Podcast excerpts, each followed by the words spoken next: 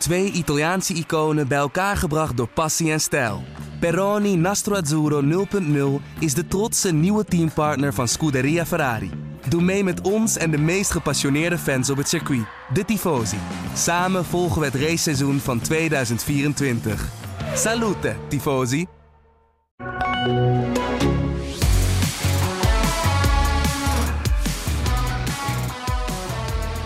Welkom bij Pitstop, de Formule 1 podcast van AD Sportwereld, waarin we wekelijks de Formule 1 bespreken met onze mannen ter plaatse. Vandaag Barijn Albehuis vanuit Italië. Mijn naam is Etienne Verhoef en normaal gaat het in deze podcast over Max, Lewis, Lando, Charles, Carlos. Maar ja, Monza was natuurlijk het weekend van de safety car en van... Niek, Niek de Vries, ja. Ja, Ja, geweldig weekend heeft die man gehad. Echt ongelooflijk. Echt ongelooflijk. Super gaaf. Ja zo, even- hij, heeft zelf een samenvatting gemaakt van het hele weekend. Hij, hij stopt uiteindelijk met praten, maar luister even hoe het klonk voor de Formule 1 TV. It was amazing. It was amazing. The whole experience uh, from yesterday till till now has just been a dream. Uh, kind of jumping on a car on a drivers' parade and seeing all the excitement for Formula One and getting the opportunity to race, starting in top ten and you know executing a good race, scoring points in debut, being uh, kind of announced or how do you call it, uh, called driver of the day. It's just been amazing. Had jij het idee dat hij nog stond te stuiteren na afloop van die race of niet? ja, hij heeft echt iedereen de aandacht gegeven die, ja, die, die, die van hem vroeg. Hij was wel bespraakt, hij was blij. Je hebt hem van oor tot oor zien stralen. Hij kreeg van iedereen schouderklopjes, ehm, complimenten. Het was eh, één groot feest voor hem. Want het was natuurlijk wel een bijzonder weekend. Vrijdag begon dat weekend eigenlijk al dat hij ineens mocht rijden in die Aston Martin. Ja, dat is iets wat we al een beetje van tevoren wel wisten. Maar wel bijzonder, hè? want hij heeft dit jaar al een keer voor Williams getest en een keer voor Mercedes. En dan nu in de Aston Martin. Dus eh, drie verschillende auto's waarin hij heeft gereden dit seizoen. En toen had hij op vrijdag eigenlijk buiten alle persmomenten om al best wel de tijd genomen om de pers eh, te woord te staan. En toen ging het eigenlijk helemaal niet over die vrije training. Het ging eigenlijk natuurlijk alleen maar over volgend jaar. Kan, die in een stoeltje terechtkomen? Eh, heeft hij daar recht op? Eh, verdient hij dat? Eh, misstaat hij niet in, in deze grid? Hij zelf vindt van niet. Ehm, dus ja, daar ging het eigenlijk heel de tijd over. Dus het ging al, al best wel veel over Nick de, Nick de Vries. En eh, ja, toen, toen mocht hij eh, debuteren. Ja, dat lijkt me toch een raar fenomeen dat je anderhalf uur van tevoren hoort... joh, Albon heeft last van de blinde darm, dus of je even kan instappen... en dat je het dan maar moet doen in die auto ook, hè? Ja, dat, dat is natuurlijk heel gek en dat vond hij zelf ook heel gek. Maar hij zei, eh, misschien is het ook wel een voordeel voor me, want dan heb ik geen tijd om erover na te denken. Gewoon focus op wat ik moet doen en eh, mijn kans grijpen. En eh, ja, dat heeft hij gedaan. Ja, nee, dat wil ik zeggen. Heeft hij zijn kans gegrepen? Of is dit met een hele oranje bril opgekeken... dat we zeggen, hij heeft het geweldig gedaan? Nee, hij heeft het, eh, hij heeft het echt heel goed gedaan. Eh, Albon heeft het dit seizoen nog niet beter gedaan dan hij vandaag. Mhm. Eh, hij heeft het uiteraard veel beter gedaan dan Latifi, maar daarvoor is er van tevoren eh, dat, ja, dat, hij dat, wel, dat hem dat wel zou gaan lukken. En ehm, ja, eigenlijk zei iedereen van hij, hij heeft zich laten zien. Eh, Toto Wolff zei dat tegen hem, eh, George Russell zei dat over hem, Max Verstappen zei dat over hem, eh, Lewis Hamilton die was complimenteus. Dus ja, ik denk wel dat hij zijn kans gegrepen heeft. We moeten er wel bij zeggen dat hij ehm, op het juiste moment in deze auto zat. Want de Williams ging lekker op, op Monza. En eh, dat, ja, dat heeft natuurlijk ook wel meegespeeld. Plus het feit dat er heel veel jongens een, eh, een, een gridstraf kregen. En eh, dat hem ook wel heeft geholpen. Ja, maar soms heb je ook het setje nodig toch dat je de juiste pad op helpt, toch? Daar gaat het toch ook een beetje om, op het juiste moment daar zijn. Ja, dat is het. Je moet een beetje geluk hebben. Je moet een keer de kans krijgen en jezelf dan laten zien. Nou ja, dit zou zomaar de kans voor hem zijn kunnen geweest. Um, Maar wie gaat hem dan oppikken? Welk team zegt nu eens een keer van, nou weet je wat, laten we dit gewoon eens proberen. Ja, of Williams zelf en Alpine zou een kans kunnen zijn. Hij heeft in ieder geval punten gepakt, dus hij heeft zich wel in die, in die zin laten zien. Ehm, het was sowieso wel een raar weekend. hè. Ik bedoel, eh, dat begon natuurlijk al met al die gridstraffen, dat op een gegeven moment niemand meer wist eigenlijk hoe het zat. Ja, dat is echt zo raar eigenlijk. We hebben zaterdagavond hebben we zo lang zitten speculeren over wat is het nou. Want het gebeurde dus eigenlijk letterlijk in de mixzone dat uh, Verstappen zei, ik start van 7. En dat Alonso zei, nee, ik start van 7. En uh, Verstappen die zou dan toch van, van, van P4 mogen starten. Ja, dan zei Verstappen weer de notes uh, die zeggen dat, ja, dat je je volledige penalty moet nemen. Maar ja, dat, dat, daar, dat daar niet gewoon duidelijkheid over is, dat is wel heel bizar voor zo'n uh, grote sport. Ja, dat is het. Voor zo'n grote sport zou je toch verwachten dat in ieder geval dit soort basisregels heel duidelijk zijn. Maar ja, het is en blijft natuurlijk een dik boekwerk wat ze steeds aanpassen. Dus ja, dat is een beetje het probleem natuurlijk ook, hè? Ja, ja, dat is inderdaad een probleem. En het hoeft helemaal niet zo moeilijk te zijn. Uh, ja, uh, bepaal gewoon of een volgorde op ja. basis waarvan je die stof toedient. Of zoals Max Verstappen zegt, zorg gewoon dat iedereen dezelfde straf krijgt. Iedereen start achteraan als hij een nieuwe motor gebruikt. Of je geeft geen uh, gridstraffen meer voor het gebruik van, van, van een nieuwe motor. Want iedereen gebruikt dat te vaak per jaar. Ja, is ook nog voor te zeggen eigenlijk toch? Waarom zou je nog een gridstraf geven als iedereen toch nieuwe motoren nodig heeft door het jaar heen? Ja, daarom. Ja, maar dat kwam er dus niet. Uh, hebben ze nou denk je ervan geleerd, de Formule 1, dat ze volgende keer sneller die startplaatsen kunnen beschikbaar stellen? Of denk je van dat het volgend jaar weer hetzelfde zal zijn of ergens over een paar weken? ik ben heel benieuwd. Uh, ik denk dat we voorlopig nog wel even op deze manier doorgaan. ja, dat vrees ik ook een beetje, ja. Uh, laten we dan even naar die race gaan. die race waarin Verstappen dus op plek 7 begon. Ah ja, laten we zelf even uitleggen hoe dat begin van die race ging. We were good on the tires. I think straight away, of course, after my clean lap one, uh, we were, you know, really in the race, and uh, I could see we had more pace than, than Ferrari, and that was, of course, the most important for us. And um, then they opted to do a little bit of a different strategy, and that really, uh, yeah, paid off for us. Ja, hij ging als een raket weg. Ik dacht, je, je begint op P7. Weet je wat, dan doe die eerste bocht bij die chicane een beetje rustig aan. En dan ergens tijdens die race ga je wel inhalen. Maar dat had hij helemaal geen zin in. Nee, het was echt boom. Hij was weg, slalom, slalom, slalom en hij zat vooraan. Dat, dat toont aan hoe goed die auto is. Maar ook gewoon dat hij zonder angst eigenlijk race, hè? Ja, maar dat is ook zeg maar, de conclusie die ik heb getrokken aan het einde van dit weekend. Hij blaakt van het zelfvertrouwen. Hij heeft zoveel vertrouwen in die auto, zoveel vertrouwen in zichzelf. Hij weet en voelt en merkt aan alles dat hij nog nooit zo goed is geweest als nu.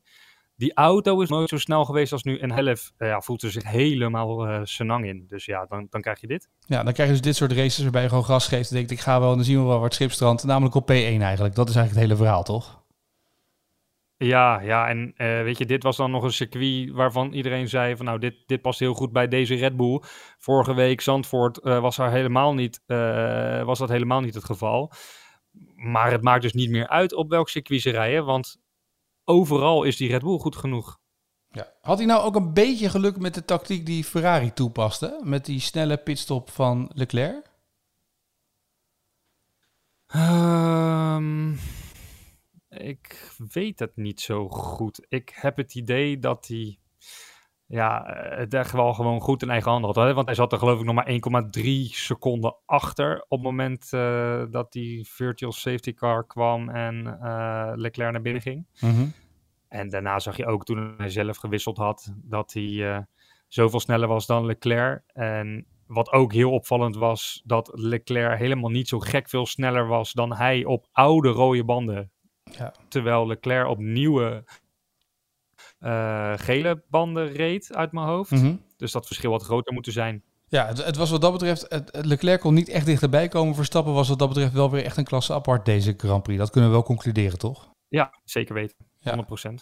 Maar goed, dan heb je Ferrari, hebben we vaak beschimpt hè, om ha, ha, ha, ze hebben een strategie die werkt dan niet. Nou leek het vandaag enigszins te werken. Ook met Sainz die vanaf achteruit het veld naar voren kwam zetten naar richting de top 3. En nou ja, Leclerc hebben we gezien.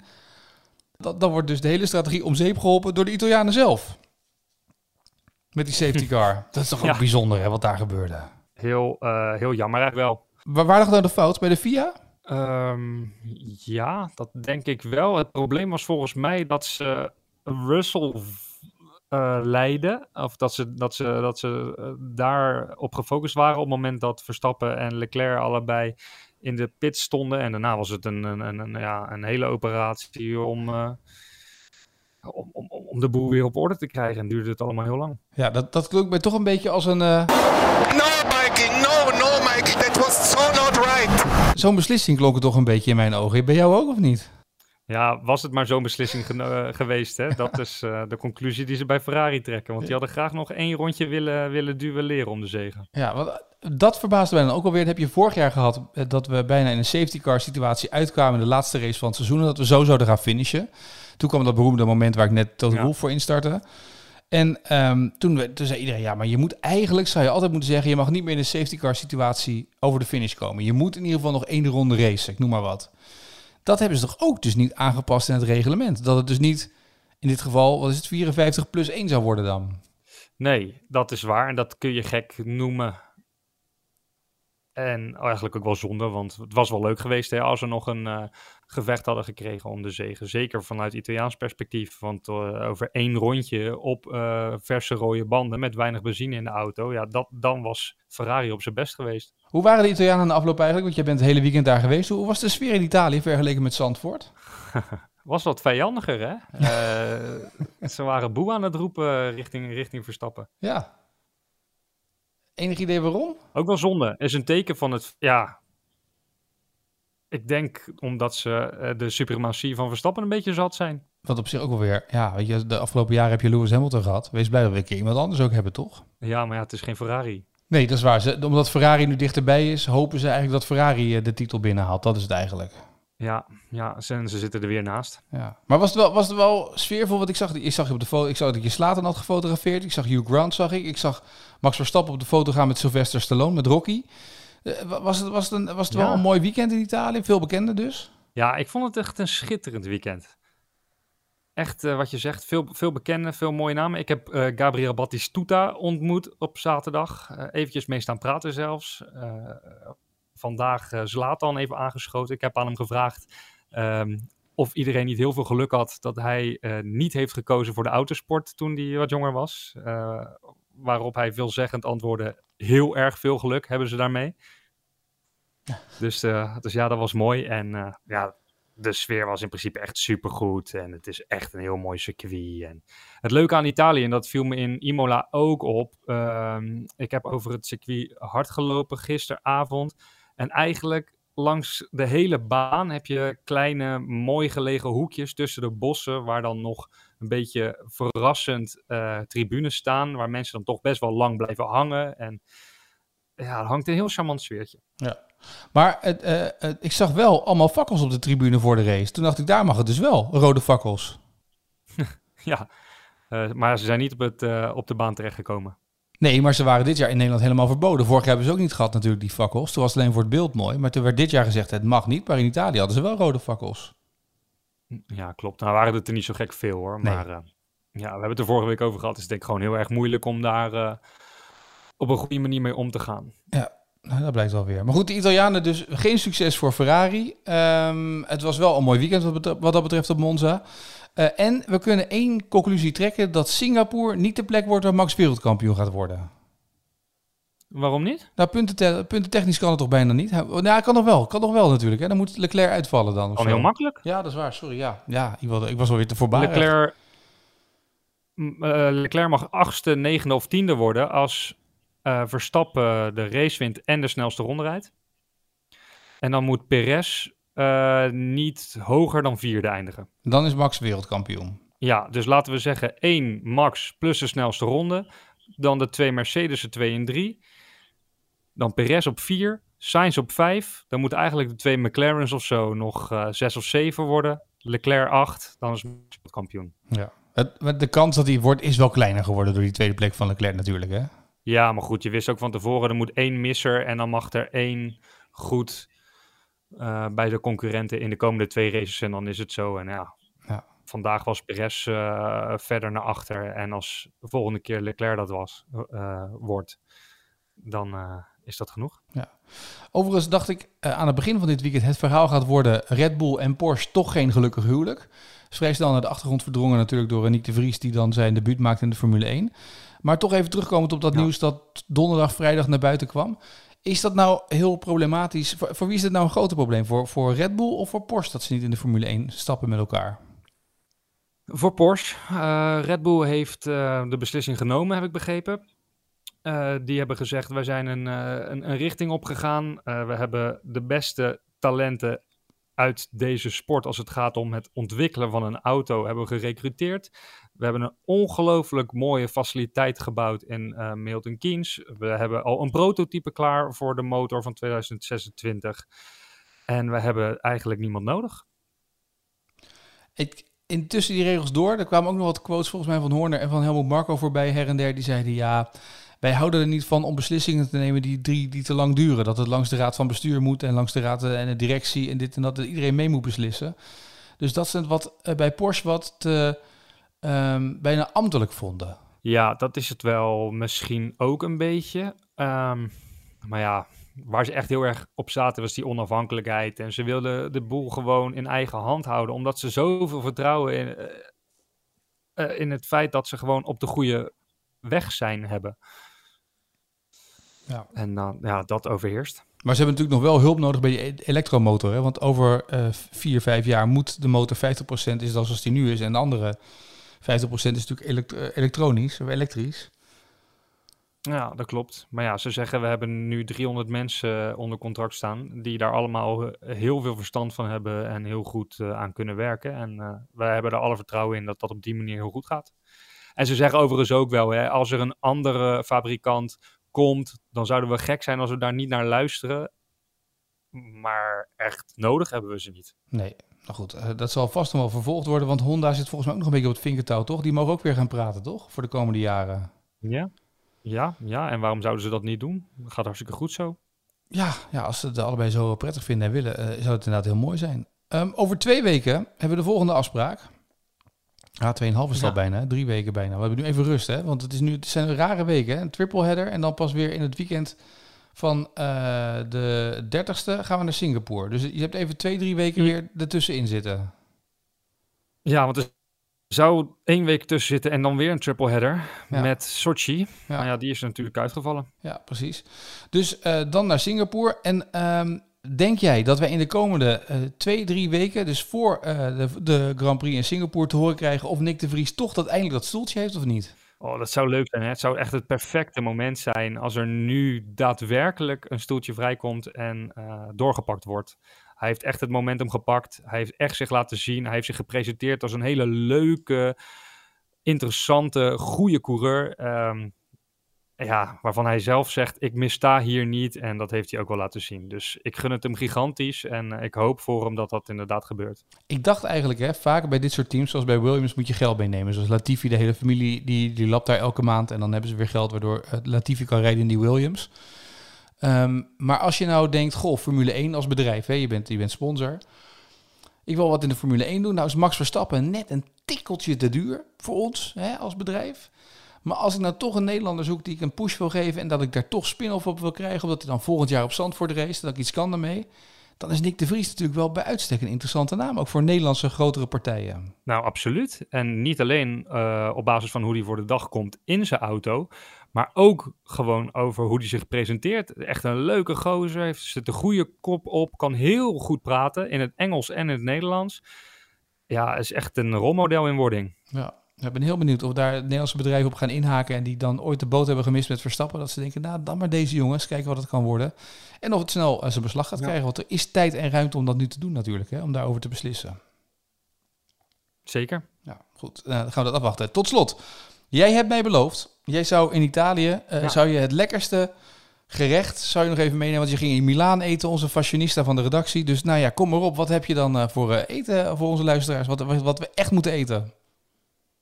Nou, ik heb allerlei verschillende soorten pasta gegeten de afgelopen dagen. Maar ik neem jullie graag mee naar het kleine stadje Arcore, vlak bij Monza. Volgens mij heeft Berlusconi daar een heel mooi groot huis gehad. Daar staat een kleine, charmante herberg, hotel, wat ook een heel goed restaurant heeft. En uh, helemaal in het teken van, van Ferrari staat dat en, uh, en, en, en de race sport. En daar heb ik een pasta cacio e pepe gegeten. En dat is een traditioneel Romeins gerecht.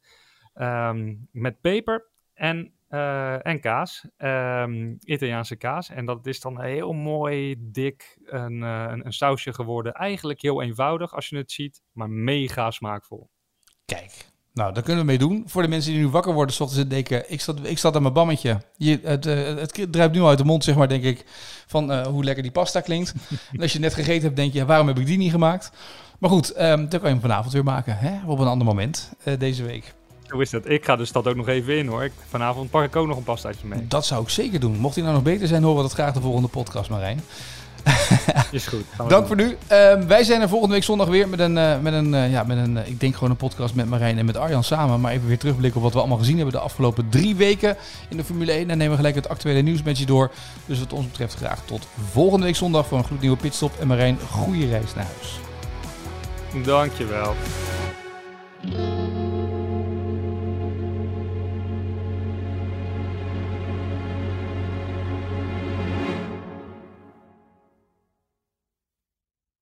Twee Italiaanse iconen bij elkaar gebracht door passie en stijl. Peroni Nastro Azzurro 0.0 is de trotse nieuwe teampartner van Scuderia Ferrari. Doe mee met ons en de meest gepassioneerde fans op het circuit, de Tifosi. Samen volgen we het raceseizoen van 2024. Salute, Tifosi!